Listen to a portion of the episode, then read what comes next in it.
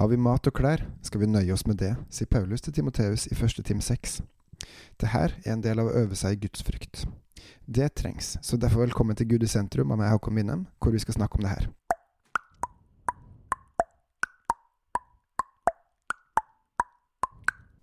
Å trene seg i Guds frykt er noe Paulus nevner mange ganger til Timoteus i de to brevene vi har til han. Jag etter rettferdighet, gudsfrykt, tro, kjærlighet, tålmodighet og mildhet.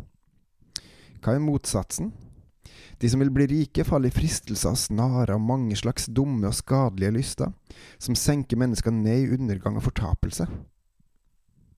Å ja, kan kristne gå fortapt, altså?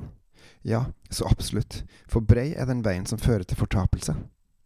Ikke mange vil holde fast ved trua på den allmektige og eneste sanne Gud, så derfor må vi som gjør det, ta ansvar ved å begynne med oss sjøl. For pengekjærlighet er en rot til alt ondt. I sin lyst etter penger har noen fara vill i troa og har gjennombora seg sjøl med mange piner. Ok, så hva så? Har vi mat og klær, skal vi nøye oss med det? Hva har det her med gudsfrykt å gjøre?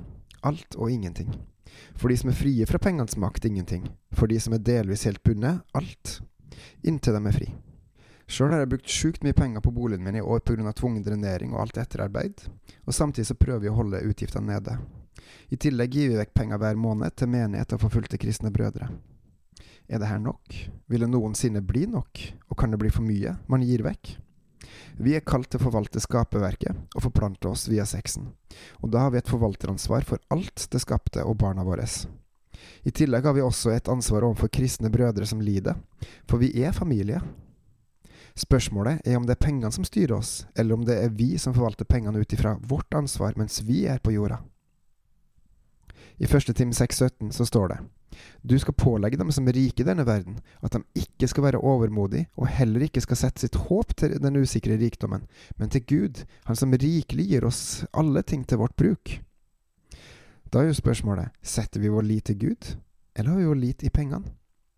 Videre, de skal gjøre det gode, være rike på gode gjerninger, være gavmilde og gjerne dele med andre. Og her er det som beviser hvor langt du, vi, er kommet i gudsfrykten i det her. Gjør vi det gode?